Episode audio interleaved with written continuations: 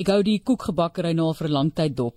En toe kom daar 'n groot kompetisie wat sy toe ook natuurlik nie oor mag gepraat het voordat dit nou bekend gemaak word op televisie nie, MasterChef. En dan dink ek jy net dis 'n groot sprong om te gaan van die pragtigste lekkerste koeke en jy doen MasterChef, die hoeveelheid werk wat jy moet deurdraf om vir jouself nuwe vaardighede te skep en dit alles nadat sy haar werk verloor het, was sy dink sy wou vir die res van die lewe van haar lewe gebly het. Andre het Delaharp soos Johan gesê kuier in die ateljee en sy het besluit net besluit ek gaan nou elke dag 'n koek bak en Dit is nie net koeke nie, Andre. Dit is kunswerke wat jy bak. Baie welkom. Baie dankie. Dit is so lekker om hier te wees. Regtig, ek is so dankbaar. Dankie. Ons gesels nou so oor geleenthede wat jou pad op jou pad kom, die oomblik as een deur vir jou toegemaak het. Jy sê jy sit nie op hierdie stadium stil nie. Dis wanneer jy slaap.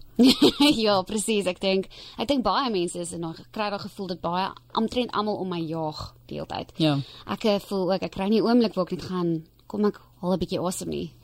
Maar ek dink dit is 'n uh, dit is waar ek is nou en veral in my reis met my besigheid en ek dink is goed. Jy weet, werk. Ons gaan nou 'n bietjie gesels oor die proses van MasterChef en hoe mm. gaan dit nou met die sukses, maar kan jy vir ons bietjie terugvat na daai tyd waar jy jou werk verloor het en jy mm. dink wat is die pad nou vorentoe mm. en vergelyk dit met hoe jy vandag voel oor jou sukses?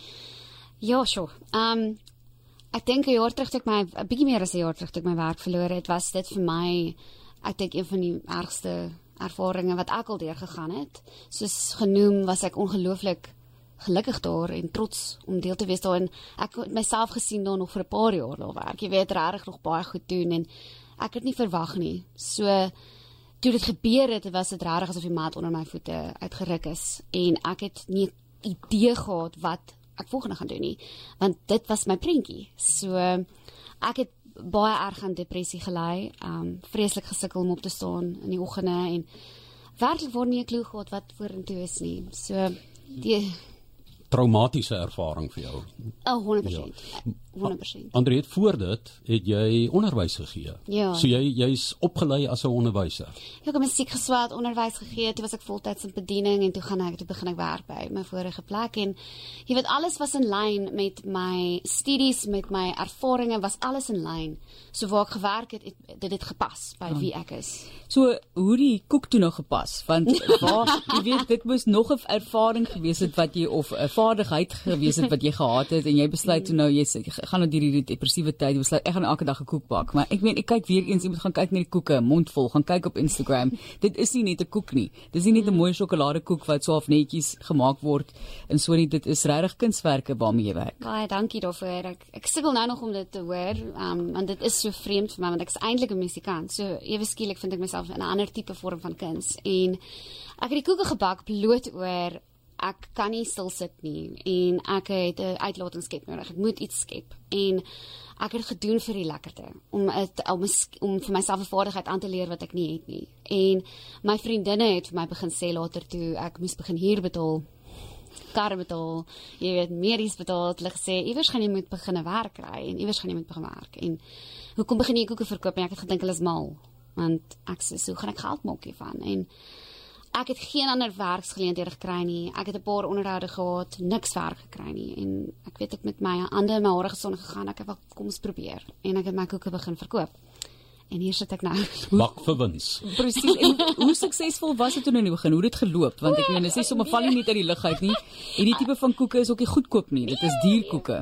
Ongelukkig is ek een van daai mense wat die beste kwaliteit van alles wil hê. So ek gaan nou nie goedkoop gaan nie, jy weet. En aanvanklik was dit werklik vir die die state folk bly wat my ondersteun het en vriende en familie wat wat wat 'n baie um gemaklike gehoor was, jy weet. Hulle hulle was dierbaar teenoor my.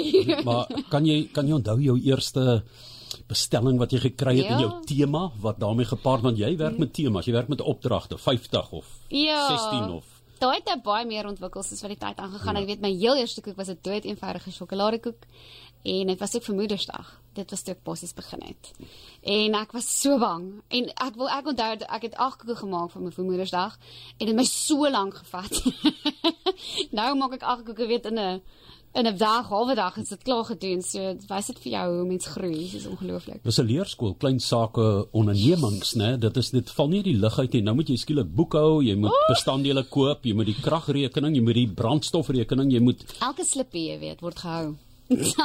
Word gehou. So ek is baie dankbaar om 'n vriendin te hê wat my begin help het met my boeke want ek het net ge verkoop, jy weet, mense gee my geld, ek weet nie eens waar ek dit sit nie. Jy weet, ek weet nie wat ek doen nie. Dis die probleem, is daai finansiële opleiding, nê, om jou eie begroting te hanteer. Ek het op in graad 9 het ek 27% gekry vir rekenkunde. Okay. So dis nie my sterkpunt nie.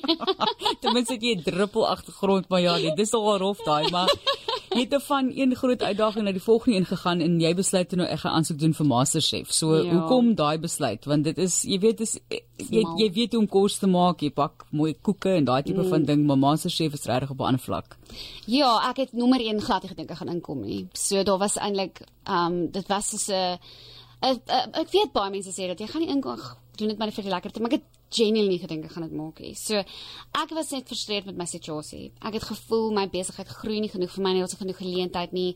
Wat is my volgende stap? En toe het iemand vir my gesê kom skryf ek hier in. Ek wou eintlik meer soos 'n koekedoor gedoen het of iets dit wat meer in lyn is met wat ek is. En toe het Masterchef gekom en ek het eendag wakker geword besluit wat het ek om te verloor. En toe ek weer sien, dis ek in die top 300, toe weer sien, dis ek in die top 40, top 20 en toe top 2.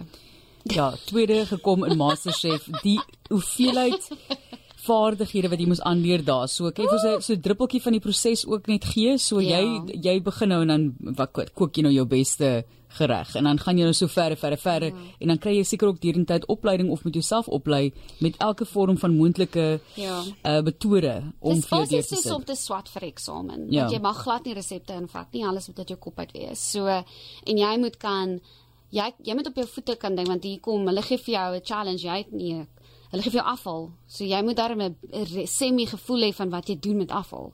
Nou ek het nog nooit in my lewe al gewerk nie, maar so jy moet swat, swat, swat, swat, swat, swat en So ek het letterlik keycards gehad. Wat is dit? Hoe maak mens Italian meringue byvoorbeeld of weet wat is 'n rasa paste? Hoe kom jy van scratch af ja, maak? En, en nie meringue nie, Italian meringue, soos ja, jy ja, sê. Ja, Italian soos meringue of jy weet allerlei sulke goed en, en so wat ek wat ek gevind het was soos die beste was om tegnieke te leer, want jy kan met 'n resept onloop, maar dan's 3 kwart van die bestanddele nie daar nie, want hulle is soos gee vir jou 'n uh, papaya en 'n uh, uh, sonneblom en Daar gaan sê vir jou maak vir ja. my 'n voorgereg. Is dit 'n so, letterlike voorbeeld daai? Die sonneblom was eene um dit uh, dit in 'n jackfruit wat ek nog nooit in my lewe eens al oopgemaak het nie maar so jy moet so op jou voete dink en dis waar die kreatiwiteit eintlik maar inkom. Ja, in in die ek volg nou 'n paar van die MasterChef reekse van Australië en mm. Engeland en so ook. Hulle praat baie oor jy moet proe die hele tyd. Jy ja. moet proe. Nou iets soos die jackfruit. Ja. Ehm um, het jy dit geproe want hy het mos 'n bietjie van 'n kiwi en 'n bietjie van 'n So, wie is 'n vreemde ding daai. Hulle ja. hulle gebruik hom ons in die vegan wêreld om eintlik maar vleis te te of weer speel. Wat doen jy toe? Nee, ek het dit gebruik. So mense is so baie strategies. ja, maar jy slim. Ja. Kan ek sê waar jy nou is? Jy het nie 'n koekenklou gehad wat om daarmee te doen nie. Ah, fantasties. Jy maak jy maar koek. Ons gesê nee. ja, nee, jy het gesê. Nee, ek dink dit was ook 'n baie groot deel van ons as jy 'n strategie. Jy speel tot jou strengths. Jy gaan nie instaan en as jy ek was so. Dit was my strategie. Ek gaan nie met goed werk wat ek eintlik ken as ek nie hoef nie. So ek was maar op daai manier het ek deur dit gekom. ja, ek het gesien dat mense gebruik hulle agtergrond, hulle nasionaliteit, byvoorbeeld in mm. Australië wat vir my interessant is, is 'n baie diverse gemeenskap, mm. baie van die Baliese, Indonesiese tipe van invloede daar en dan sê die mense dan bly hulle by hulle sterkpunte. Ja. Wat het jy as jou sterkpunt geïdentifiseer? Het jy mm. in 'n tipe van 'n plattelandse, ek wou amper sê boere kom bys groot geword in jou kookkunstegnieke of wat? Ja, ek dink ehm um, Ja, om, om rarig eerlik. Patats? Ja, ek het ek, ek het verseker ek het 'n pampoenkoekie daar iewers uitgeruk. Jy weet om om eerlik te wees, het ek baie gesukkel om om om rarig te besluit wat is want ek's eintlik nou daar vir die soet. Jy weet, maar ons het so min soet challenges gehad, so ek moes die hele tyd in die in die savory wees en die judges het my die hele tyd gesê dat my goed is te soet konstant. Maar ek dink ook as 'n Afrikaanse meisie, jy weet, ek het groot geword op 'n Sondagoggend maak om my pa vir my pampoen na my gooi breinsuiker oor daai pampoen jy weet, dit is soet, dis lekker, dis hoe hy hoor. dis heerlik. So, so ek's gewoond daaraan en ek dink dit was deel van my storie wat ek baie vir hulle vertel het. Ja, maar dit dit is hoe ek groot gemaak is en ek weet um een van die judges Justine het my baie gesê, sy verstaan is 'n baie Afrikaanse ding om om suiker en botter op alles te gooi, maar ek moet 'n bietjie terug hou. so die vaardighede wat jy op opgedoen het word nou vorentoe gevat. Wat lê alles vir jou voor op hierdie stadium?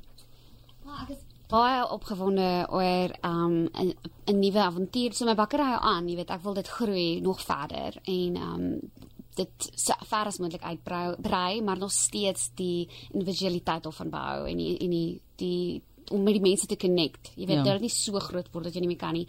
Maar dan is ek ook um 'n Rooiberg um winery is dit my benader en ek gaan nou hulle bistro oorneem daar in Robertson. So dit is ontsettend opwindend. Altyd 'n stopplekkie as ons KAK toe gegaan het by die grootste rooi riempies stoel in ja. Afrika. Is dit 'n riempies stoel? Is net 'n stoel? Is dit 'n riempies stoel? Hy het riempies op is agter. Ek ja. kan natuurlik nog nie na opneem, maar ja. ek het ek het nie gesien dis 'n riempies bo nie, maar ja, dis 'n groot uitdaging eerste keer wat jy sê jy nou jou eie spyskaart moet uitwerk. Ek is verskriklik op my op my um senuwees, ja. Senuwees en ek dink vir my is dit net ek is bang vir 'n challenge nie. So ek gaan dit doen, jy weet, en ons ek gaan kyk hoe gaan dit en ek glo regtig dat hierdie kan 'n sukses wees want dit, ek gaan dit 'n sukses maak want dit is so 'n groot geleentheid wat na my toe kom en ek wil dit eer, jy weet, hierdie mm. geleentheid eer. Mm. Ek kan nie dit nou rustig vat nie. Baie chefs nou Margo Janse né? Ehm um, Margo ja. Margo. Ja, wat daar ja, Frans Hoek. Se wêre Margo, Ruben Ruben Ruffel, ehm um, die mense, hulle word almal ambassadeurs van 'n handelsmerk. Dis mm. wat met baie mense gebeur ook internasionaal mm. met met MasterChef. So ehm um, dis is 'n wonderlike uiteindelike platform wat jy dan gekry het om mm. jou handelsmerk vorentoe te neem, né? Om om 'n mond vol te wees in die wêreld. Ja, ek ek's ek moet my eintlik aan myself so skryf om te gaan is hierdie werklikheid. My groot ek het laas jaar gesê voor masters het gesê my grootste droom is my eie spasie te waar ek vir mense kan voer en ons kan hulle kan kuier, hulle kan rustig wees en en hier het ek dit nou. Jy weet hier kom dit na my toe na harde werk. Ja. Nou nie opgee nie. Mm. En ek dink dit nou nog gefros is wat doen mense as jy um die nie planke is. Die planke is is al wil jy nie opstaan nie, staan op begin met die kleinste goed. Ek het verlang nie opgestaan nie op Sondag op, dan sit ek net make-up aan. Ek weet ek dis 'n klein ding of ek trek net klere aan. Man en en net daai mentaliteit van hou net aan en jy en en aanvaar dat jy gaan misluk. Daar gaan ja, wees. Ja, en en doen iets wat jy kan doen. Dit herinner my so 'n bietjie aan Jaco Brandt, is ook in die in die kosbedryf en hy is daar op Rossenwil en hy het die dieselfde ding gegaan en besluit hy gaan elke dag 'n brood bak vir iemand. Ja. So doen iets wat jy kan doen wat vir jou passievol is wat jy hmm dalk 'n paar rand voor het om jou vorentoe te neem, maar doen iets vir jouself vorentoe. Louis de Jager het my vertel hoe hulle in Covid gesit het met niks want hy's eintlik 'n duiker. Um, hy moet daar in die oseaan en hy en sy vrou begin vir mense om hulle hierdie rogbrode bak en sommer net om om te kan deel, om te kan gee. En ja. daar het het hulle ook nou hulle koffiewinkel. Ons sit met met uh, dis mos nou die kleinseun van Serra de Jaar, né? Ja. Die en so hier het wonderlike goed in Covid gebeur. Ja, ek ken vir Louis en Ronald baie goed en my koeke is actually daar by beskikbaar by hulle die bord en kou en hulle is um ongelooflik. Ons het saam met die um, broodbakkers is bygewoon voor Covid. Toevallig. Was dit waar julle ontmoet het? dis ons ontmoet het, so dit was so, dis eintlik ons het selfde storie, ja. So jy het gepraat van 'n plek waar mense net kan saamkuier. Wat is die toppunt vir jou? Wat is die die groot groot droom? Sjoe, dis 'n vraag. groot groot droom is 'n suksesvolle plek wat vreugde vir soveel mense bring en dat almal welkom voel. Maak nie saak wie jy is. Ek wil amper sê dalk 'n Michelin ster, maar kom ons wees heeltemal Nee, wat my my kos is 'n bietjie te huis, jy weet dit. Dis nie so fancy nie. Nee, nee wat sy's klaar 'n ster. Ja. Net so. Ons sê vir baie dankie vir die kuier, vir die inspirasie hier in die ateljee. Dit is Andre de la Harp. Alles sukses vir jou ook vorentoe.